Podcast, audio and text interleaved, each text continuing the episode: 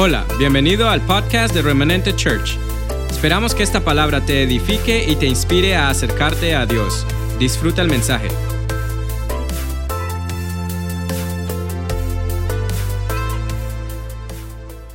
Después de esta alabanza, después de esta administración, esto se puso mejor.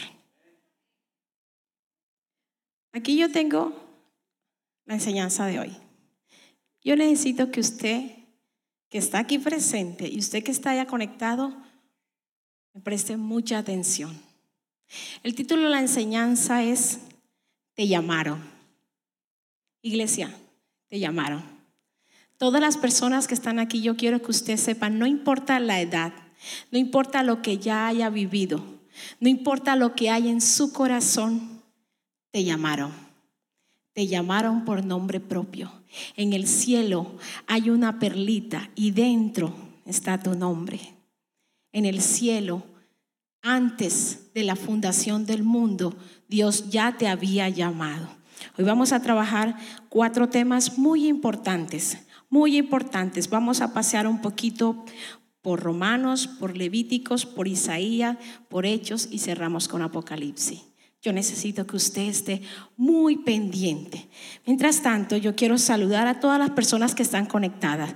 Tenemos gente de Machala, Ecuador. Tenemos gente de Puerto Rico, tenemos gente de Italia, tenemos gente de Colombia, tenemos gente de toda Sudamérica conectada recibiendo esta bendita palabra. Pero más que la palabra, queremos que reciba la unción del Espíritu Santo que está en este lugar. Vamos todos a la palabra yo traje una cantidad de cosas aquí arriba que no sé si voy a usar.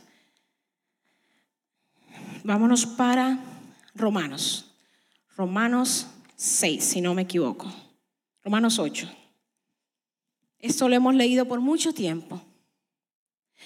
Yo voy a ir directo y vamos a ir acumulando cosas y desarrollamos junto esto, porque es mucho lo que Dios tiene para nosotros en esta mañana. Romanos 8, 26 y dice, y de igual manera el Espíritu nos ayuda en nuestra debilidad. Repita conmigo debilidad. Debilidad. Cuando la palabra dice que, que nos ayuda con nuestra debilidad, nos ayuda con nuestra carne, nos ayuda con nuestros pensamientos, nos ayuda con los deseos del corazón que son contrarios a lo que Dios dijo. La palabra hoy nos va a hablar de qué manera nuestra vida necesita ser cambiada. Dice que, dice que de igual manera el Espíritu nos ayuda en nuestra debilidad. Pues que hemos de pedir como conviene, no lo sabemos, pero el Espíritu mismo intercede por nosotros con gemidos indecibles. La iglesia cuenta con un equipo de intercesión poderoso, internacional. Llegamos a ser casi 200 personas intercediendo por usted, por su casa, por la iglesia, por la economía, por Estados Unidos, por toda Sudamérica. Ahorita mismo estamos haciendo un trabajo los intercesores. Pero yo no sé si es una mala noticia para ti. Si usted y yo no tenemos una relación directa con el Espíritu Santo, la intercesión de la iglesia no va a ser suficiente. ¿Por qué, hermana Eliana? Porque cuando usted ha sido llamado, usted tiene una cita. Y a esa cita yo no puedo ir por usted ni usted puede ir por mí. Usted tiene una cita. ¿Cuántas veces al día, cuántas veces en su vida, cuántas veces al año? Yo no lo sé. Pero lo que yo sí sé es que entre usted más va a esa cita, más quiere volver a esa cita. Y es una cita cuando usted empieza a adorar a Dios. Empieza, no es, no es esa oración con el cepillo de diente en la boca, Señor, gracias por este día, yo te bendigo, Señor, amén, gracias, Señor, cúbreme camino al trabajo. No es esa oración que se hace manejando el carro en la 66 pendiente de no llegar a 75 para que el policía no se le pegue atrás. No es esa oración que usted hace con una amiga, yo oro por ti, yo declaro que los cielos se abren. Y te... No, hermanos. No, hay una oración, una oración que es necesaria, que tenga usted un encuentro con el Espíritu Santo. Y llegue un momento, hoy no se habla mucho de esto, y es el hablar en lenguas. No es necesario para ser salvo, pero ayuda muchísimo en la vida del Evangelio. Usted puede ser salvo, usted puede hacer muchas cosas si no habla en lenguas, pero cuando usted habla, no es lo mismo salir con una pistola que salir con un galil a pelear una batalla es lo mismo. Y usted empieza a orar y empieza el Espíritu Santo a visitarle y empieza el Espíritu Santo a llenarle y empieza el Espíritu Santo y empieza usted a hablar en nuevas lenguas. A veces puede repetir una misma sílaba, a veces pueden suceder idiomas diferentes. Conocemos gente que habla lenguas y al lado tiene una persona que le interpreta las lenguas. Eso es impresionante. Pero cuando usted empieza a adorar a Dios, cuando usted hace un altar en su casa, a solas, en una esquina, y usted empieza y empieza a oír ese gemido, gemido que sale de dentro de usted, y usted empieza a hablar, oh Padre, yo te amo, yo te adoro, oh Padre, yo declaro mi vida para ti, Padre, yo rindo los deseos de mi carne, Padre, no me gusta la iglesia, Padre, no me gusta el pastor, Padre, no me gusta la alabanza, Padre, no me gusta mi jefe, Padre, no me gusta mi esposa, Padre, no me gusta quién soy, y empieza usted a orar por lo que usted tenga que orar, y empieza el Espíritu Santo, Rabasaka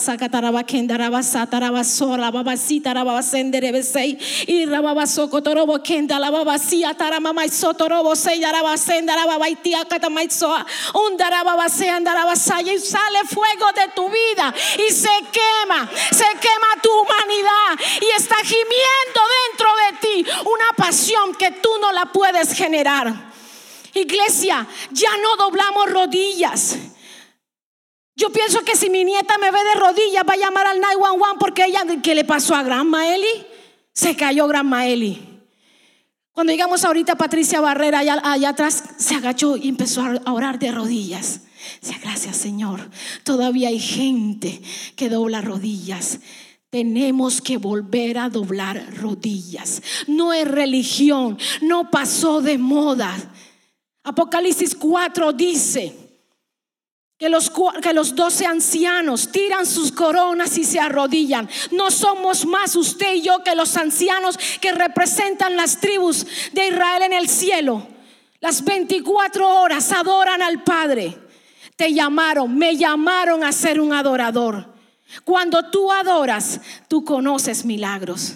Hay un fuego que quema dentro de ti. Ahorita cuando estábamos aquí en el altar, yo le decía a Yamile Herrera, Yamile voy a hacer algo profético sobre tu vida.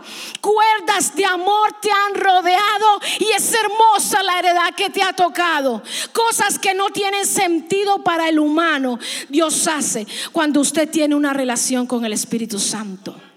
No podemos caminar esto nuevo que está trayendo Dios con nuestra mente con nuestros planes y con lo que la ciencia dice. No podemos. No.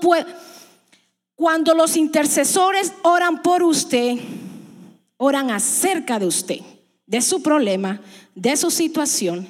Y a veces decimos, y todas las cosas convienen a los que han sido llamados con un propósito. Y ahí arriba dice, mm, mm, esa no era la oración que pegaba en esa situación. Eso no va por ahí.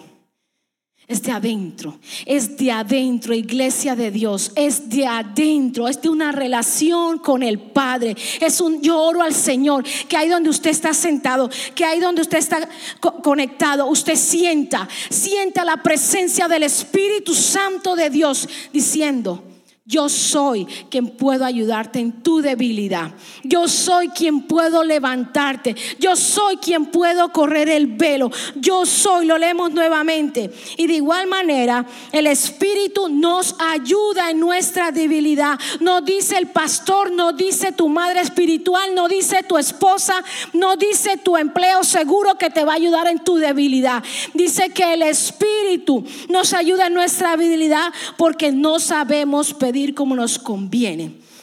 Ahora si me acompañan y nos vamos para dónde? Para Levítico 6. Vámonos para Levítico 6. Levítico 6. Levíticos 16, perdón. Levíticos 16, 12. Dice, después tomará un incensario lleno de brasas de fuego del altar delante de Jehová y sus puños llenos del perfume aromático molido lo llevarás detrás del velo. Del velo. Ven, te llamaron. Me llamaron a ir detrás del velo. Usted es el incienso. Yo soy el incienso. En mí, en ti se ha depositado la gloria y la gracia del Señor. Pero es necesario ir a la presencia del Señor. Ir a donde nadie nos ve. Pero Él lo sabe todo. Y dice que, dice, leamos junto otra vez. Y dice, después tomará un incenciario lleno de brasas de fuego del altar de delante de Jehová Y en el 13 dice, y pondrá el perfume sobre el fuego delante de Jehová, y la nube del perfume cubrirá el altar, la casa, la iglesia, el trabajo, el carro, donde estés, que, este, de que está sobre el testimonio para que no muera. Iglesia, tu oración tiene que subir. Mi oración tiene que subir delante del altar. Y la única manera es cuando somos puestos en el fuego. El cambio cuesta. Cuando algo es puesto en el fuego, cambia de forma, cambia de color, cambia de figura, cambia de textura. Es necesario hacer cambios. Es necesario que hagamos cambios en muchas áreas, pero una principal área es nuestra oración, es nuestra relación en el altar. Cuando, cuando estábamos ahorita en la adoración, yo miraba a Karen, yo miraba a Noé, yo miraba a Maggie. En este tiempo Dios les ha dado algo tan maravilloso si lo quieren llamar una nueva oportunidad, si lo quieren decir se les corrió el velo. Cuando tú estás acostado en una cama de hospital y te dicen, no sabemos qué es lo que tiene, pero no huele bien. Usted no, ahí no hay, hicimos oración, estuvimos intercediendo. Pero la relación tuya con el Espíritu Santo te daba la esperanza que había un fuego encendido y el Señor te dice una vez más, es una nueva oportunidad de vida, es un nuevo cambio, es hermosa la heredad que te ha tocado, Maggie, en el nombre de Jesús. Y después recibimos testimonio, Dios lo hizo. Hubo un altar encendido cuando estaba la vida o la muerte. Allá no existe las amistades. Ahí ya no existe muchas cosas. Allá no existe si el pastor se fue de viaje y tengo un mes que no lo veo y me he quejado tanto por eso. Allá no existe eso. En el altar existe Dios y yo. Dios y yo. Dios y yo. En el, en el altar, mire, una hermana me contó un sueño. Yo, cuando iba en el camino, yo le decía a mi esposo, Qué raro, nunca hemos salido con ellos, es primera vez que salimos, son gente muy de Dios. Pero ¿qué querrá Dios con esta salida? Porque ir a comer aquí en la esquina de McDonald's. No, nos fuimos, nos pasamos unas 3, 4 horas sentados hablando. Pero entre las muchas cosas que hablábamos, ella me cuenta un sueño. Y usted era parte de ese sueño.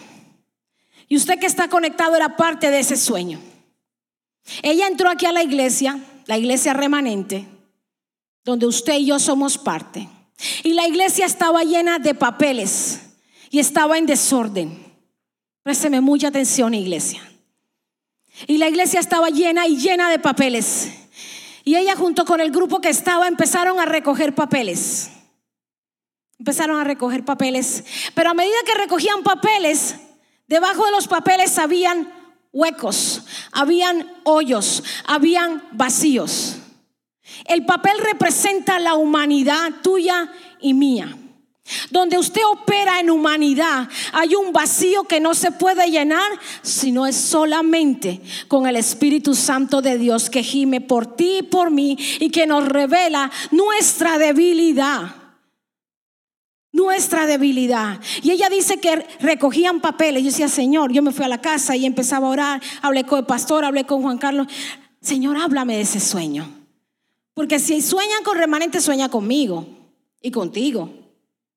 Porque aquí es donde te alimentas, aquí es donde adoras a Dios, aquí es donde traes tus diezmos y tus ofrendas. Yo llegué a remanente cuando tenía 30 años, ya, ya cumplí 49. Aquí es donde ha crecido, aquí es donde he sido enseñada. Entonces sí, me preocupó el sueño. Y los huecos representan los vacíos. Muchos de nosotros estamos cargando con vacíos y los hemos tapado con nuestra humanidad. Venimos a la iglesia, participamos en los eventos, adoramos, cantamos, pero seguimos con ese vacío. Muchas sillas tienen huecos de padres que están aquí, pero sus hijos no se están congregando. Muchas iglesias, muchas mujeres están aquí, pero tienen vacíos porque sus esposos no están. Muchas mujeres están aquí y tienen vacíos porque ellas son las que diezman y el esposo no diezma. Muchas, mucha iglesia tiene vacío, pero el vacío que más me preocupó del sueño que ella tuvo era el vacío que había aquí en el altar. Ella dice que había un mueble grande de madera, representa la humanidad La palabra habla que la madera representa lo humano. Pero detrás del mueble había un hueco gigante que conectaba allá hacia el mundo, hacia una floresta. Limpiaron todo, dejaron los huecos, volvieron al día siguiente, pero por el hueco grande que había en el altar se metieron serpientes y zorras y otros animales. Señor, ¿qué representa ese problema del altar? Iglesia, necesitamos prender fuego en el altar. Necesitamos, y no es culpa del pastor ni de la alabanza, ni es culpa de ustedes. Es el, humanismo, es la tecnología, es todo lo que vivimos que nos ha abierto una puerta al mundo, que no nos damos cuenta en qué momento se meten las zorras pequeñas que dañan el viñedo. Es normal llegar a la iglesia y estar sentado en el teléfono y viendo otras cosas. Y el altar aquí necesitando que usted traiga su incienso, que usted traiga su antorcha encendida, que usted venga. Lo que no pasa aquí en el altar cuando usted es llamado no es culpa de la iglesia. ¿Qué hicimos en la semana? ¿Qué hicimos en la semana? Ustedes los, mire, yo decía, Señor, que vengan jóvenes, que vengan hombres. Hay muchos jóvenes hombres y muchos hombres cabezas de familia. ¿Qué hicimos en la semana en el altar? Para mí me confrontó mucho esta enseñanza, me confrontó. Porque yo le decía a Juanca, yo me voy a ir a caminar, me camino tres millas, pero en esas tres millas yo oro al Señor. Pero yo soy la que hablo. Yo caminando y viendo pasar los carros y viendo que el semáforo cambió para atravesar la calle, el Espíritu Santo no me habló. Yo no traje fuego al altar. Yo tuve una conversación. No es lo mismo cuando usted tiene una conversación con alguien por teléfono o cuando usted se sienta con esa persona y se toma un café y se agarran de la mano y oran. No es lo mismo y es igual. La iglesia está llena de intercesores, pero no está llena de adoradores. Es necesario ir al altar de Dios y prender el fuego y que huela y que se levante, se levante en el cielo. Son recibidas nuestras oraciones, iglesia, individuales individuales. Vamos a seguir orando por ti, vamos a seguir adorando a Dios junto contigo, pero nada va a pasar en tu vida. Se nos va a caer el pelo, nos van a tener que arreglar los dientes. Las dietas van a dejar de funcionar. Nos vamos a bueno, yo llegué de 30, tengo 49 y ya tengo tres nietos. Ya no soy la misma muchacha de 30 años que llegué. Cuando usted se enferma, uno, dos, tres, cuatro días, un mes, le llevan flores, le llevan la sopita de pollo, le llaman, pero si usted tiene enfermo un año, ya es demasiado. Bueno, las personas que tienen una enfermedad ya tremenda, eso sí es otra cosa. Pero no podemos estar enfermos todos los años de la misma cosa y pidiendo la intercesión por lo mismo, porque su altar está congelado congelado, porque a mí y a usted nos llamaron y nos dieron el Espíritu Santo de Dios, que gime, que gime, que gime día y noche con gemidos indecibles, pero usted no oye y yo no oigo porque no vamos a la cita. Yo tengo la cita en el carro. No, iglesia. Y no estoy en contra de las oraciones en el carro. No estoy en contra de la oración en grupo. Pero es necesario que volvamos a eso si se habla en Levítico y si se habla en Romanos y si se habla en Apocalipsis y si se habla en Isaías, es porque es vigente. Se nos, ha llevado a la convicción de lo que dice en el antiguo pacto, en el antiguo testamento, pasó de moda y vivamos lo que dice el Nuevo Testamento. Cuando el Nuevo Testamento es el cumplimiento de cada una de las palabras que se dijeron. Aún hay palabras que se dijeron en Daniel, en Ezequiel, que todavía no se han cumplido. Y si usted quiere saber cuáles son, lea Apocalipsis 4. Tarea para la casa y para los que están en línea. Leamos Apocalipsis 4, pero leámoslos en el Espíritu. ¿Cómo es eso, hermana Eliana? Si apenas yo, y voy a leer en el Espíritu. Señor, háblame. Señor, revélame. Señor, muéstrame. Señor, apaga el celular, váyase un ratico y lea Apocalipsis 4. Y Apocalipsis 4 dice que en el centro del trono está rodeado algo que parece como un mar. Y en el trono está sentado alguien que brilla como un diamante. Y dice la palabra que alrededor de él hay 12 antorchas encendidas. Iglesia Tú y yo estamos llamados, iglesia, te llamaron, me llamaron a hacer una antorcha encendida en mi casa, en tu casa, en Manasa, en Machala, Ecuador, en Cali, Colombia, en Barranquilla, en Soledad. La antorcha no es, no es de aquí para allá, es de allá para acá. Por eso el altar en el sueño era un mueble de madera, mucho humanismo. La hermana no me llama. La hermana le mandé mensaje y no me respondió. Yo si yo doy el diezmo, el pastor coge un avión y ahora se va a ir, que sabe cuando regrese. ¿Ah? No, yo no voy, es que me toma la temperatura y es que me sientan, es que, bueno, ya, se puede quitar la máscara, pero no se mueva de su silla sin la máscara. Porque hay gente que cuida ancianos, hay gente que tiene problemas de, de salud. Yo necesito de parte del Señor estar rodeadas, rodeada de hombres y de mujeres que estén encendidos. Yo necesito de ti, yo necesito de ti, iglesia que está conectada, yo necesito de ti. El año 2017 yo me reuní con Janet. Juan Carlos dice, no se dicen nombres propios en el altar, pero estamos en familia. Yo me reuní con Janet hace tres, cuatro días. Y ella me decía, yo quisiera que el 2019 no hubiese sido el 2019. Yo le decía, yo, yo decía, si yo tuviera la facultad para arrancar el 2017, como cuando un calendario se acaba y usted lo arranca, yo lo hubiese arrancado. Y duré 2018 y 2019 odiando el 2017 por muchas cosas. Yo decía, ¿pero por qué? El 2017 no, no debió existir. En el 2017, cinco días después de haber despedido a mi mamá, me llaman, devuélvete que tu mamá está agonizando. Y está mi mamá agonizando y Juan Carlos se lleva a mi hermano al médico porque lo vimos un poquito caminar diferente. Y regresa Eduardo con mi mamá, Eduardo es mi hermano, con mi mamá agonizando. Eduardo, tú tienes Parkinson. Y a los ocho, a los, al mes de que, de que mi mamá se murió y todavía yo no entendía todo lo que estaba pasando, nuestra hija sale embarazada y se va de casa. Bendito sea el Señor por la vida de Tiago, nuestro gran amor nuestra, nuestra primera semilla a la próxima generación. Y llegamos de viaje con mi esposo y encontramos cosas que no esperábamos. Y voy a una cita a un spa y se me aparece el diablo y me echaron la policía. Y me monto en el carro y le Señor, ¿de qué se trata esto? ¿De qué se trata esto? ¿Qué pasó? Si yo tengo al Espíritu Santo, si yo tengo al Espíritu Santo, pero estaba en una carnalidad tremenda y no estaba pecando, era que estaba cómoda. Era que estaba orando cuando me cepillaba los dientes. Ni siquiera tenía tiempo para hacerme el pelo. Estaba tan ocupada. Y dijo el Señor, me vas a conocer de una manera diferente.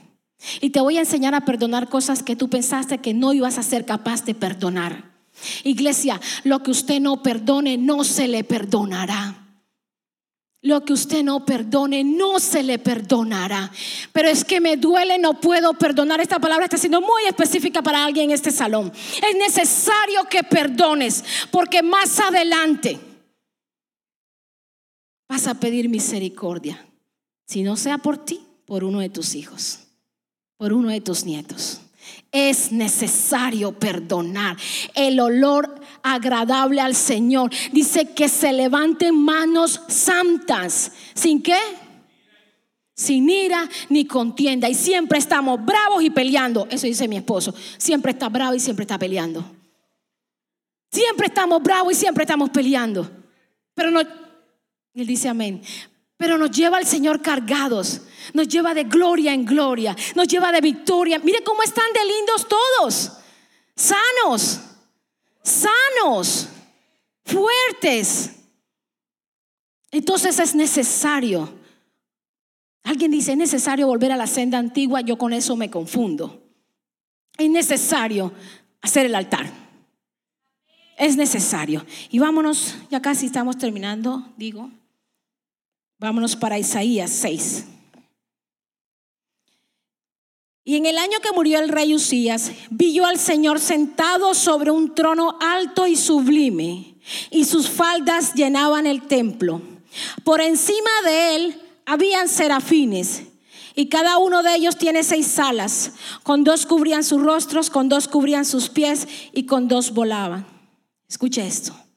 Y el uno al otro daba voces diciendo, Santo, Santo, Santo Jehová de los ejércitos, toda la tierra está llena de tu gloria. Dile a la persona que está a tu lado y escríbalo en el chat, yo estoy llena de la gloria de Dios. Yo estoy llena de la gloria de Dios. Y si usted está lleno de la gloria de Dios, donde usted se pare, el ambiente tiene que cambiar. Tiene que cambiar. Tiene que cambiar. Cuando usted está lleno de la gloria de Dios, se va a un cuarto con un muchacho de 14 años para orar por él donde el tío era homosexual, donde el primo era homosexual y él ya también era homosexual. Y usted se para delante de ese joven y usted le dice, yo declaro que de la forma como Dios te creó, darás fruto. Hoy en día es un hombre casado que trabaja para el gobierno de los Estados Unidos, guapo, fuerte, está esperando que Dios le conceda tener hijos. Se puede. Tú le hablas a una persona en un lecho de muerte lleno del poder de Dios o se muere y se va para el cielo derecho o se levanta y se transforma. No hay otra. No hay otra. Cuando usted y yo estamos llenos del Espíritu Santo. Cuando no pasa nada en una oración. O el que recibe está congelado o el que ora está congelado. Porque cuando hay fuego, yo no traje fósforos. Usted le prende.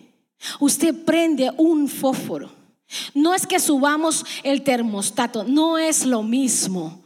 No pasa lo mismo cuando hay un endemoniado y 10 personas echándolo fuera en el nombre de Jesús, a cuando esa persona que está orando por ese endemoniado está lleno del poder de Dios. Se tiene que quemar lo que no es de Dios. Se tiene que quemar la pobreza. Se tiene que quemar la enfermedad. Se tiene que quemar los pensamientos. La palabra dice que llevemos cautivo a los pensamientos que se argumentan en contra de la verdad de Dios. Y la verdad de Dios es buena. Es buena. Es buena la verdad de Dios, pero es agradable y es perfecta. Si no estás teniendo una vida agradable, tenemos que prender, el fuego. La palabra dice, si usted lo puede buscar en su casa, la imagen de los querubines tienen en sus manos en sus alas que terminan en manos dos antorchas encendidas. Es necesario que haya fuego en el altar. Es necesario que haya fuego en tu casa. Eso no pasó de moda. Es necesario que te vean tus hijos, tu casa, doblar rodilla. La única vez que vemos arrodillado al hombre es cuando está buscando los zapatos debajo de la cama. No puede ser así. No puede ser así. Es necesario doblar nuestras rodillas. Si la palabra dice que los querubines se tapan la cara por la santidad de Dios. Si la palabra dice que los 24 ancianos tiran su corona y cubren su cara, es porque Dios no es mi compadre. Dios no trabaja para mí. Yo no me puedo ver con Dios y darle un besito en la nariz. Bello. Yo me quiero ir para Colombia. ¿Me lleva? Como si fuera que trabajara para mí.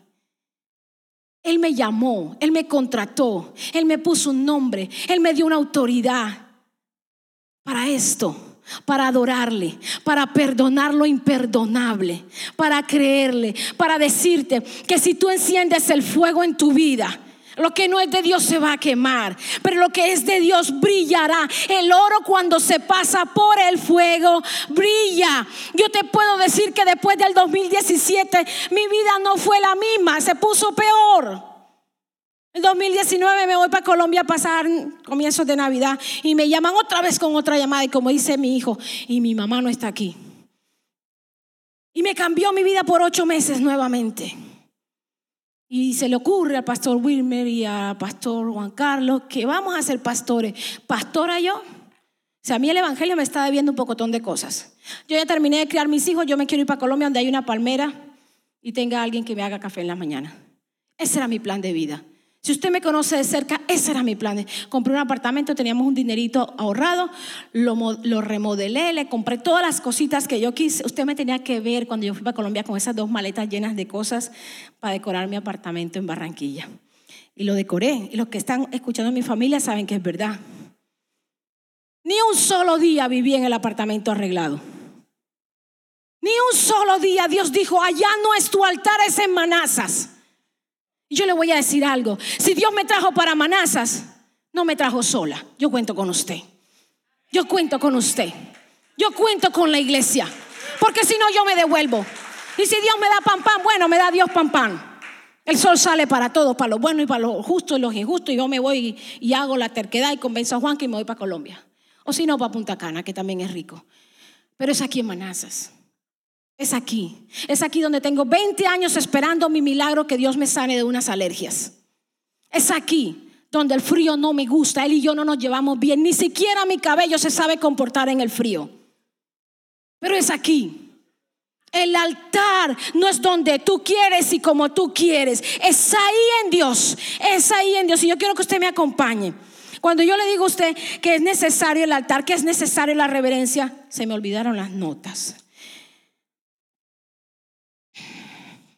Hay algo que ya nos está hablando mucho en la iglesia de Dios. Y es la consagración. Manaliana, eso huele a religión. No. No. Hay gente que dice, ella es una esposa consagrada. Ella es una madre consagrada. Él es un hombre consagrado a su negocio. Esas cosas perecen. Yo duré 20 años siendo una mamá consagrada al café en la mañana, llevando a mis hijos al colegio y, doblándole las cositas y, hablándole cantaletas le di. Pero ya no están, ya no están. Eso pasó, eso pasa. No hay empleo seguro. Ese es el osimorón más grande que el enemigo te ha enseñado. La iglesia espera, yo tengo que trabajar porque ese es mi empleo seguro. Si no sabe qué significa osimorón, yo le dejo eso de tarea. Es la contradicción, es la cosa más absurda que hay. No hay empleo seguro. Lo acabamos de vivir en una pandemia. No hay nada seguro. Solamente tu relación con Dios en el altar. Usted se muere y eso es lo que se lleva. Usted se muere por el coronavirus y eso es lo único que se lleva. Las veces que usted estuvo en el altar y entonces llega Apocalipsis 4 y se vuelve realidad en su vida. Aún la gente que no perdonó se va a quedar aquí, entregará cuentas a Dios.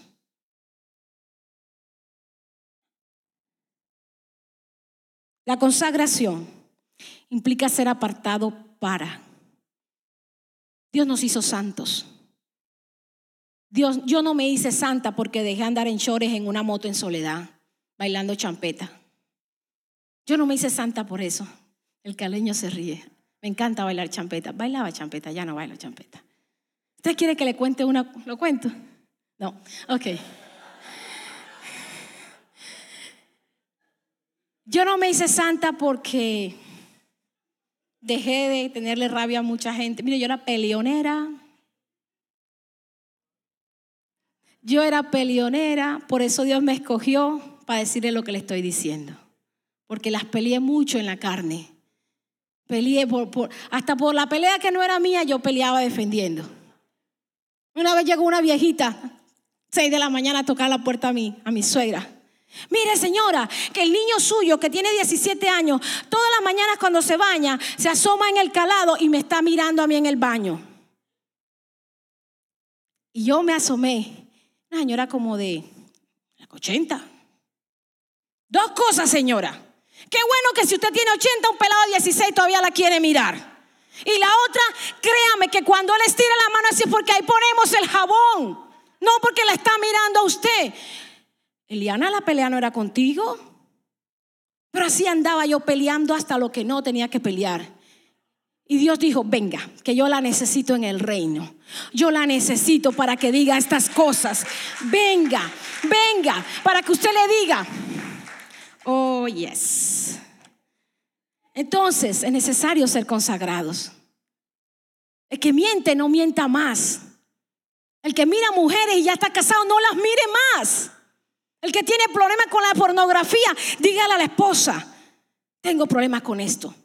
Vayan al altar y oren. Oh, estas cosas no se dicen en la iglesia, pero pasan en la casa. Y si no se dicen en la iglesia y pasan en la casa, los jóvenes se vuelven adultos y sigue pasando lo mismo. Van a donde el psicólogo, es que yo ya no quiero a mi esposo, ya no me gusta, ya nada de nada. Bueno, pongan una película pornográfica y aviva el fuego, mentira del diablo. No es verdad, no es correcto, no es bíblico. El sexo es perfecto. Dios lo hizo con propósito. Y debe ser deleitoso y sin mancilla en la cama del marido y la mujer. Yo no sé para quién era esto. Es necesario consagrarse. Dios te apartó, Dios te llamó. Lo que Dios te mandó a hacer a ti no lo puedo hacer yo, pero lo, te puedo ayudar. Pero no lo puedo hacer yo. Lo que hace la nariz no lo puede hacer el pie. ¿Usted se imagina caminando con la nariz? No. Dios me mandó a mí a pelear muchas cosas en el mundo espiritual. ¿Quiere que le diga algo? Cuando aquí en el altar se han construido los huecos que veía esta hermana, yo era la primera en salir a defender a Pastor Wilmer. Yo tengo 17 años de tener grupos de conexión. Y durante esos 17 años he defendido la visión. A mí nunca me han cambiado la visión. A mí me dijeron que un 2 de diciembre Dios le dijo al pastor que esto se llamaba remanente, que era una casa donde se iba a enseñar paternidad, que los que estaban dañados iban a ser restaurados. Por eso usted ve aquí que se manejan ciertas cosas que no se manejan en otra iglesia, pero era necesario un altar así. Somos una casa de restauración, somos una casa de paternidad. No es que Pastor Wilmer sea mi papá, no, es que él me enseñó que Dios me ama como mi padre, que Dios me cuida como mi padre, que Dios me provee como mi padre y que Dios me está esperando como mi padre. Eso aprendí aquí. Eso es necesario que lo creas. No es que yo allá no voy porque es que él quiere ser el papá de todo el mundo. No, yo tengo papá, se llama Jaime Bolívar. Él no es mi papá. Pastor Wilmer, mi padre espiritual. Mi papá está en el cielo, mi papá está en soledad con mi hermano. Él no está buscando ser mi papá. Pero se ha dicho, no es que allá el pastor Wilmer quiere ser que es el papá de todo el mundo, es el papá y la pastora la mamá. Si usted decide llamarle papá y mamá, es ok. Pero no, yo, nunca que he salido a tomarme un café con él, me ha dicho, este, hija, en los papeles de la herencia yo la puse a usted. No, eso es de Cristian y de Lucas. Esos son los hijos del pastor Wilmer y Karen y el pocotón de peladitos que van a tener. Consagración. Conságrate. Conságrate. Espíritu Santo de Dios, yo oro que cuando usted y yo estemos diciendo mentira, se me prenda el bombillo de la consagración. Que cuando yo esté diciendo, ya voy llegando, o no puedo ir porque se me dañó el carro, mentira, me estoy terminando de ver el último capítulo de Netflix. Espíritu Santo de Dios, enséñame a amar. Mire, Cuando Dios pone personas alrededor suyo, a usted no le ha pasado que hay personas, no, yo no conecto, de verdad que yo no conecto con esa persona. Yo soy culpable. Ahora, Yana, todas ustedes sí, ustedes todos, pero yo soy culpable. Si usted es culpable, levante la mano o escríbalo en el chat. Hay personas que a uno no le caen bien. O hay personas que yo no le caigo bien. No, pero es que yo la verdad que no. Estoy hablando de gente cristiana. No, no, no, no, no, no, es que yo no sé, hay algo en él o hay algo en ella que no. Y lo intento y es una cosa que no. ¿Sabes qué? Dios trae personas en áreas en las que ellas son fuertes y tú y yo somos débiles y nos irritan. La fortaleza de otro le prende la luz a mi debilidad y entonces me molesta. Y entonces me incomoda lo que dice, cómo grita la hermana Eliana, cómo dice cosas que no se dice en otro lugar. O otras cosas, como Débora pega brincos cuando danza. ¿Cómo? Hay cosas que otras personas hacen que tocan ahí en tu debilidad. Aprovechalas. Trabajemos esas debilidades en el altar. Dios ¿Cómo es? Yo no sé dónde se dice ese dicho. En Dios no hay presa mala. En Dios no hay desperdicio. No hay gente que no encaje contigo. Somos nosotros que tenemos situaciones en nuestra vida que se ven reflejadas en las fortalezas de otras personas. Amén. Hay otra cosa que no se está usando mucho en la iglesia. Yo crecí haciéndolo, en la iglesia católica, pero es otra manera de hacerlo. Y es la confesión. Es la confesión. Siempre va a ser la culpa de todo el mundo menos mía. Jueves me invitan a cenar.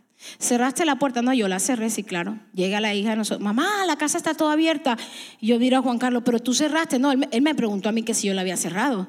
Y yo le pero yo la cerré, pero es que yo la abrí después. No, pero tú te preguntas. Siempre fue la culpa de él. Siempre es la culpa de la pastora Claudia. Siempre es la culpa del clima de Donald Trump. Oh, cómo le echan la culpa a Donald Trump. Ni lo conocemos de cerca. Nada, no es la culpa de Donald Trump. Si usted tiene el fuego encendido, usted ora por Donald Trump. Ay, es bíblico, es bíblico. Aunque usted no esté de acuerdo, oren por los que están en gobierno porque los puso Dios. La confesión, ya no confesamos nuestras debilidades. No, pero es que para qué le voy a decir a la hermana Eliana, cualquier momento la suelta allá en el altar.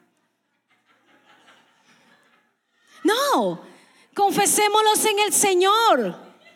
Dice que Él te ayuda con tu, tu debilidad.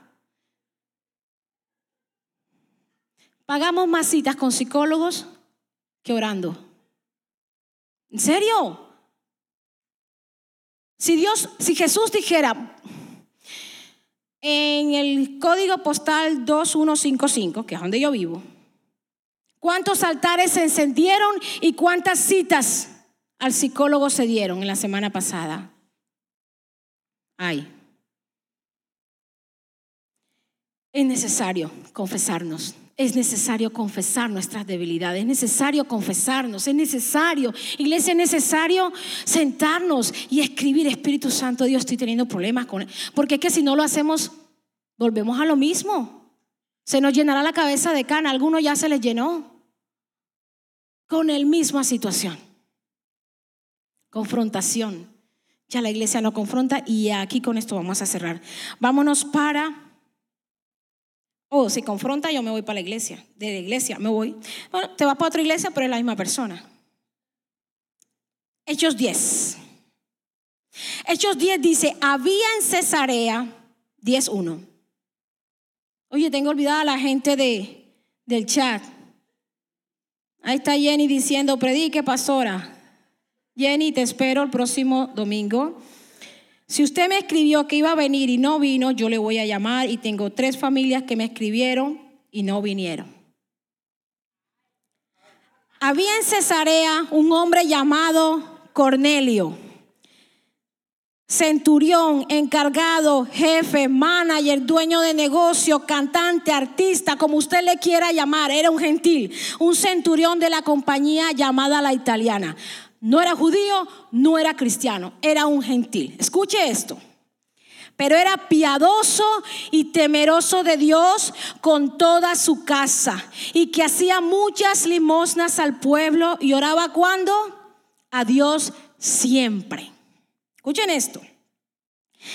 Este vio claramente en una visión. Mi pregunta, ¿a qué hora vio la visión? ¿Cómo la vio?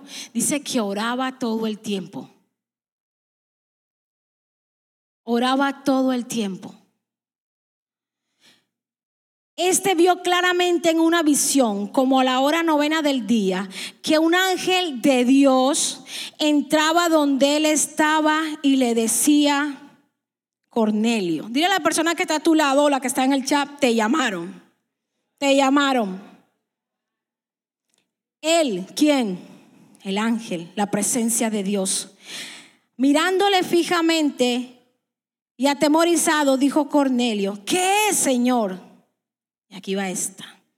Y le dijo, tus oraciones, tus diezmos, tus ofrendas, tus siembras, tus semillas, tus buenas obras han subido para memoria delante de Dios. Se necesitan hombres. Hombres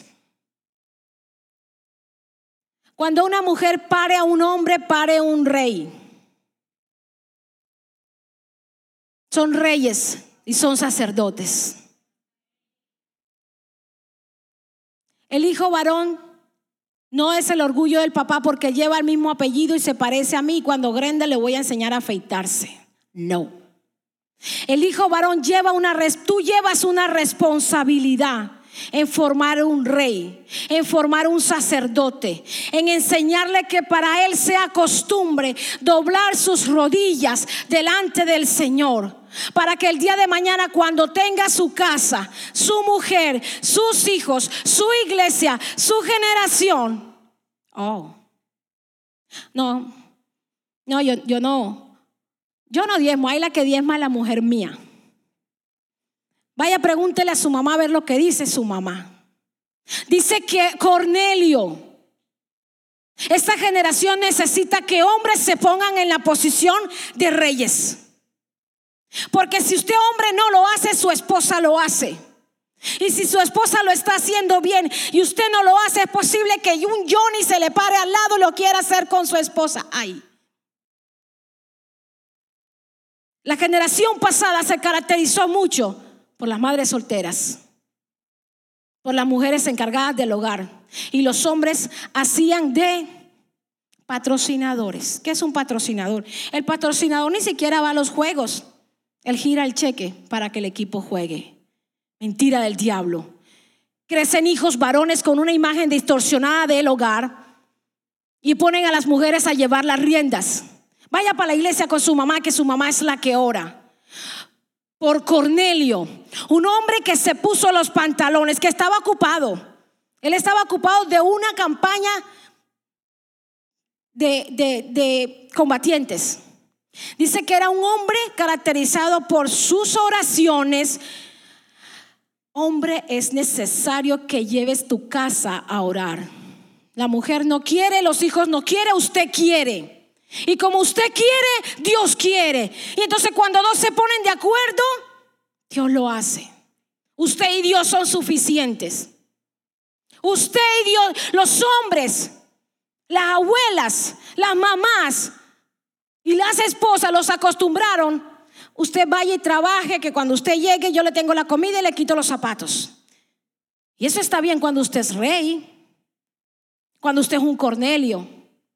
Porque Cornelio estaba donde estaba. Usted y yo estamos en el Evangelio. ¿Por qué? Porque Cornelio fue la primera iglesia que se abrió en la casa de él. Fue la primera iglesia que se abrió a los que no eran judíos. Usted y yo somos judíos porque somos injertados a través del pacto de Jesucristo. Cornelio también. Pero la predicación del Evangelio, esa, esa iglesia que se formó en la casa de él, es porque ahí, dice la palabra,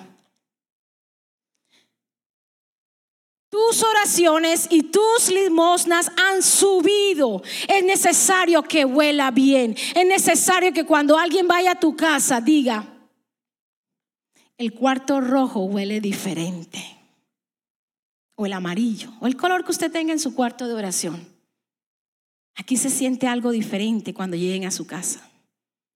Entonces usted le dice, es que estamos tomando café en el lugar donde yo prendo el fuego estamos tomando café o estamos sirviendo la cena en el lugar donde yo derramo mi alma delante de mi amado.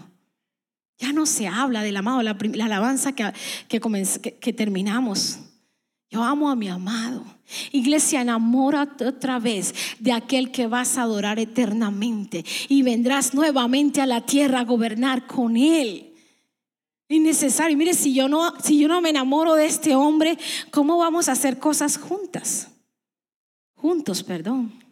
Juntos. ¿Cómo lo vamos a hacer? Enamórate de Jesús, enamórate del servicio, enamórate de la iglesia, enamórate de tu casa. Hombre que me estás escuchando y que me vas a escuchar a través del chat.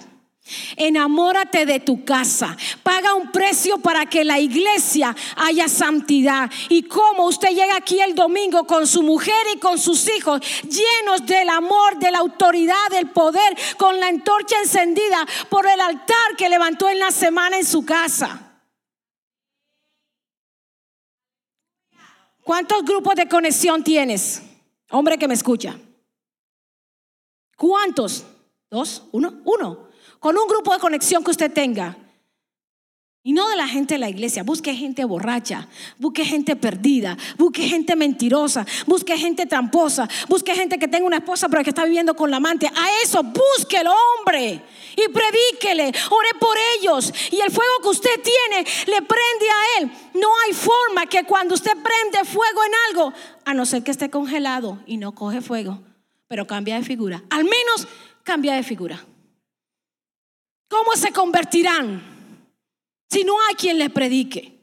¿Cómo? ¿Cómo? Tengo mi corazón chiquito. Estábamos otra vez en Punta Cana. ¿Cómo me gusta ir allá? Y habían dos parejas. Esta la voy a decir. Habían dos parejas, que si le pido permiso me dice que no. Habían dos parejas, dos parejas de eran cuatro hombres, cual de todos guapos, llenos de músculos. Mi esposo no es celoso. Musculosos, bien vestidos, bailaban muy bien, se asoleaban y llevaban bien con todo el mundo. Pero los cuatro estaban juntos. Los cuatro eran pareja, los cuatro eran novios, los cuatro eran amigos, los cuatro... Era una cosa que yo no entendía, pero lo vi durante siete días, seis días.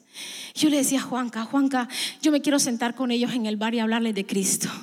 Es que yo les quiero hablar del Señor. Es que yo le, uno de ellos se atrevió a sacarme a bailar bachata y Juanca dijo, epa, no. yo, déjame. Yo decía, Señor. Y entonces yo me levantaba en la mañana a ir a tomar café y había uno, uno de los cuatro. Y yo decía, Juanca, ya parece que se van a ir. No me va a dar tiempo a hablar con ellos. Se van a ir porque yo lo vi en el lobby. Y dice Juanca, no, allá están en vestido de baño en la playa. Y yo quería, y me quedé con eso en mi corazón. Me dio miedo de pronto a ser rechazada, porque ellos la estaban pasando bien, muy buena gente, estaban felices. Pero yo quería hablarles de quien yo estoy enamorada. Yo quería hablarles de Cristo. Yo quería que ellos se llevaran ese fuego encendido en su corazón. Lo demás, cada quien hace con su vida lo que quiere y cada quien irá al trono. Y, pero yo quería yo quería que, que, en vez de sacarme a bailar me abrazaran y el fuego que hay en ti y en mí cambiara, al menos los vacíos. Los huecos que se veían en el sueño son vacíos. Tú estás aquí, tienes vacíos porque tus hijos no están aquí. Tú estás aquí tienes vacíos porque no se ha sanado un pariente. Tú estás aquí tienes vacíos porque hay un llamado. Mira, usted se va para Japón, se devuelve para El Salvador, se va para Honduras, se va para México, se va para Colombia, se va para Soledad, para donde usted quiera irse. Dios te llamó, Dios te llamó y te va a buscar. En el 2019 yo todos los días peleaba con él. Yo no voy a ser pastora. Yo no quiero ser pastora. A mí no me gusta ser pastora. A mí no me gusta que me llamen pastora. En la Biblia no hay pastoras. No quiero ser pastora. Estamos caminando en Roma, entramos a una iglesia, me gustan las iglesias católicas antiguas, la habían remodelado y la volvieron una iglesia evangélica y un predicador italiano, en italiano. Señoras y señores, esta pareja yo la he llamado para ser pastores y yo los estoy preparando. Donde quiera que te vayas a meter, ahí Dios va a estar mirándote. Apocalipsis 4 dice que los cuatro seres vivientes están rodeados por ojos por delante y por detrás. No hay lugar donde usted y yo nos paremos que su gloria no esté. Su gloria está. Su gloria está. Y por su gloria usted hace iglesia. Y por su gloria usted hace familia. Y por su gloria usted hace negocios. Y por su gloria usted perdona lo imperdonable. Y por su gloria usted ama lo que le dolió. Y por su gloria usted renuncia.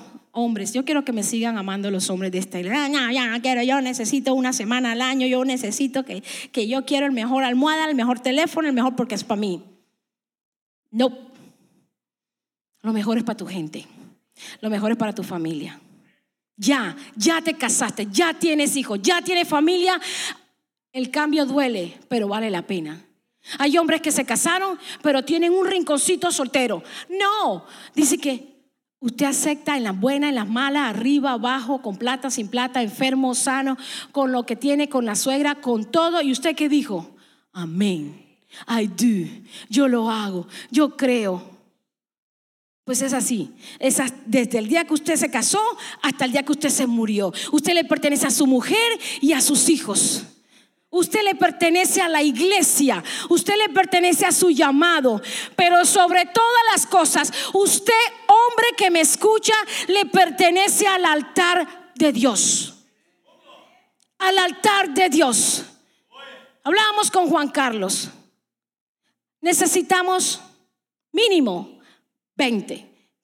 20 hombres, 20 familias, 20 ¿Cuántos hay? Yo no sé. Pero si 20 dicen, aquí estamos, con mi casa, con mis hijos, con mis finanzas, con mis negocios, con mi tiempo, para hacerle casa al Señor, yo le aseguro, iglesia, que no pagaríamos 10 mil dólares de renta. Oh, eso sí duele. Eso sí duele. Pagar 10 mil dólares de renta porque no hemos tenido 20 hombres. Mire, le voy a contar algo muy triste. Cuando el hombre no se pone, y eso incluye a los pastores, en el lugar que tiene que ponerse, se levanta una esposa, profetiza algo. Y el hombre, como nunca ha estado al altar, no sabe si para la derecha quema o para la izquierda se congela. Él no sabe por dónde es el altar, él sabe que ella va al altar y que ella recibe de Dios y lo que ella dice por ahí es oh, yo me voy a meter en líos con esto porque esto está en vivo. Y la esposa le dice al pastor, el Señor me mostró que Estados Unidos viene para un caos y que esto se va a acabar. Recojamos lo que tengamos, no puede ni tomar ni agua porque el agua está endemoniada. Cogió lo que tenía y se fue para otro país y dejó la congregación sola. ¿Por qué? Porque no conocía el altar y podía ser pastor de 400. Porque cuando usted va al altar, Dios le habla. Comenzamos enseñando esto. Usted tiene el Espíritu Santo que gime por usted en sus debilidades. ¿Era malo ese pastor? No era malo, estaba congelado. Hay gente que no es mala, pero está congelada. Si no hay fuego, no sube el incienso que llevamos usted y yo adentro. Y desde Levítico hasta Apocalipsis dice que el humo sube, que el incienso sube, el olor es agradable y Dios desciende y Dios inclina su oído y suceden milagros. Si el hombre está bien puesto, la iglesia camina mejor. Los huecos que se vieron en el sueño de la hermana es porque hay mucha humanidad. Todo nos molesta, todo nos distrae, todo nos asusta. Te llamaron, me llamaron, no vamos para ningún otro lado. Haga la prueba. Móntese un carro y viaja a Florida y usted verá si en un restaurante la muchacha de McDonald's le dice, buenos días, siervo de Dios. ¿Quién le dijo a ella que yo soy cristiano? Los ojos de Jehová recorren la tierra y tú estás sobre la tierra, pero sobre ti está la gloria de Dios. Iglesia, yo quiero dejarte con esta inquietud.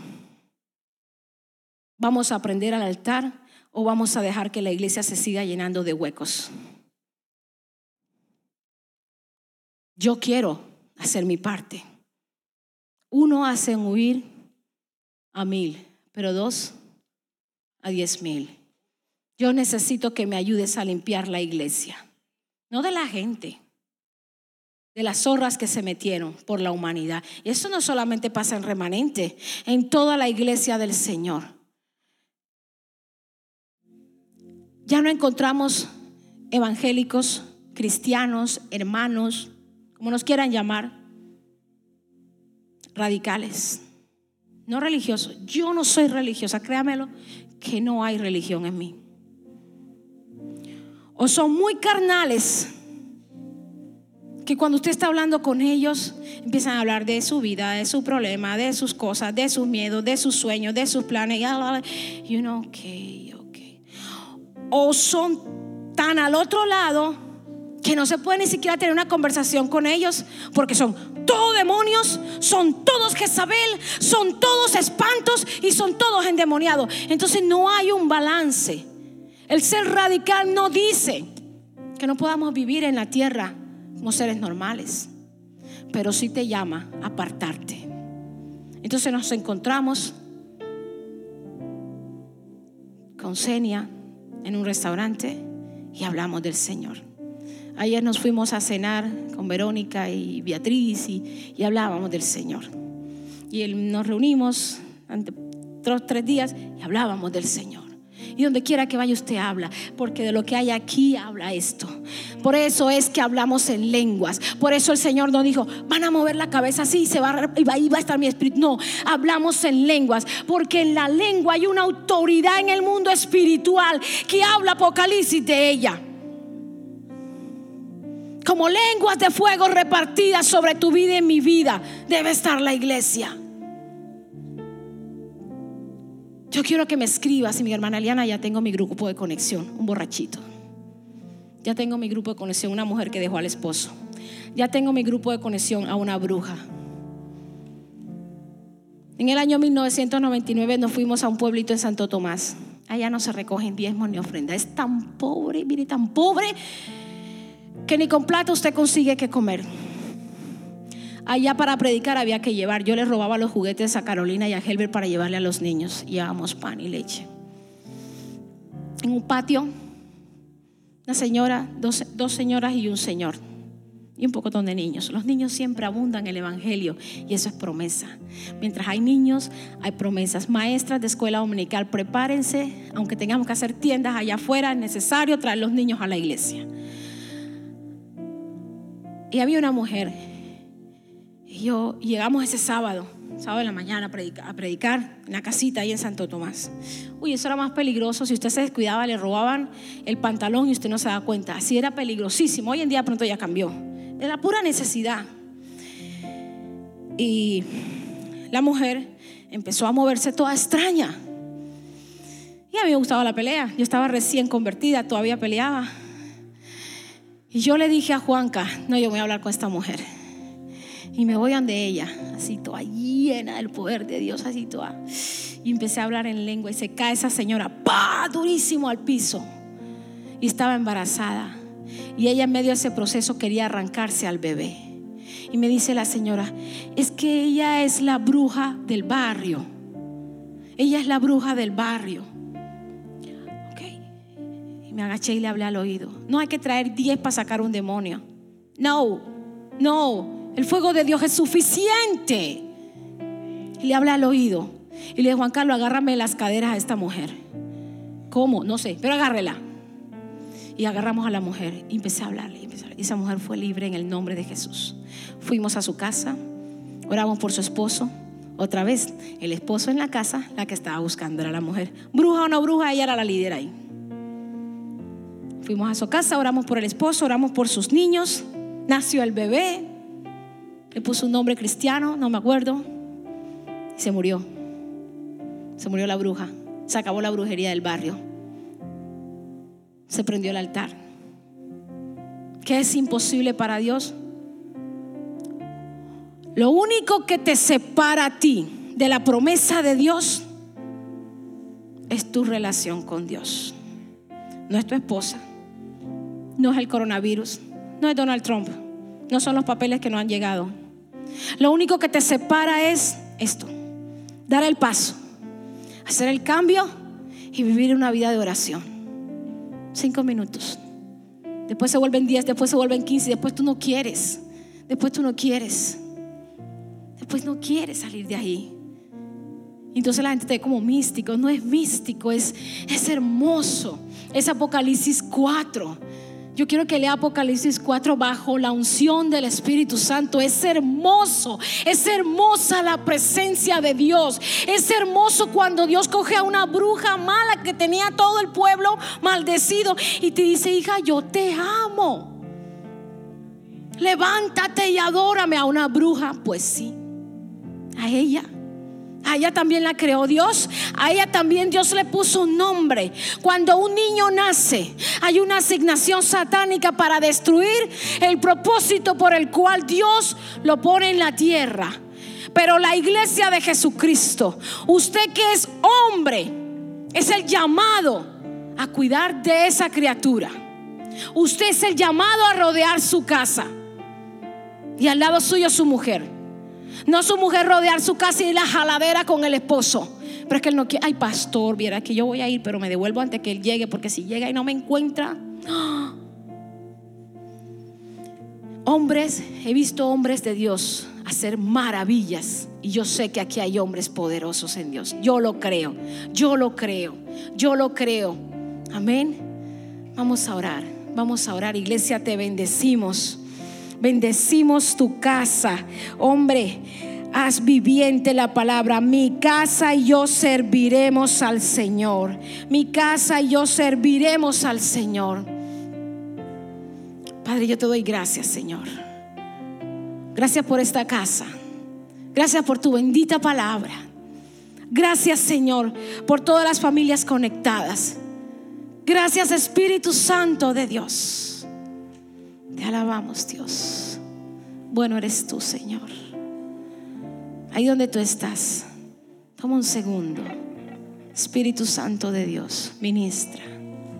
Ministra tu casa, Señor. Gracias por la oportunidad de vida en Noé. Gracias por la oportunidad de vida en Karen. Gracias por la oportunidad de vida en Maggie. Gracias por la oportunidad de vida en esta casa, Señor. Hasta hoy hubieron huecos en remanente. Hasta hoy estuvo la casa llena de humanidad. Hasta hoy estuvo el altar seco porque no habían hombres y mujeres con la antorcha ardiente de su vida en casa. Hasta hoy, todo lo humano, Señor, que impide que te conozcamos lo sobrenatural. Hoy, Señor, hoy rendimos delante de ti. Gracias, Dios. Yo bendigo cada familia conectada. Yo bendigo, Señor, cada casa, Dios. Y yo declaro, Señor, que se aviva el fuego, Señor, en los hogares. Recibe una palabra de sanidad y de restauración a todo hombre que le dijeron que no podía, que no sabía, que no tenía cómo. Yo quiero dejarte saber de parte de Dios que Dios te escogió como rey, Dios te escogió como sacerdote y te está esperando en el altar para enseñarte a adorar y a servir. Gracias Dios. Sigamos adorando. Bendiciones, iglesia.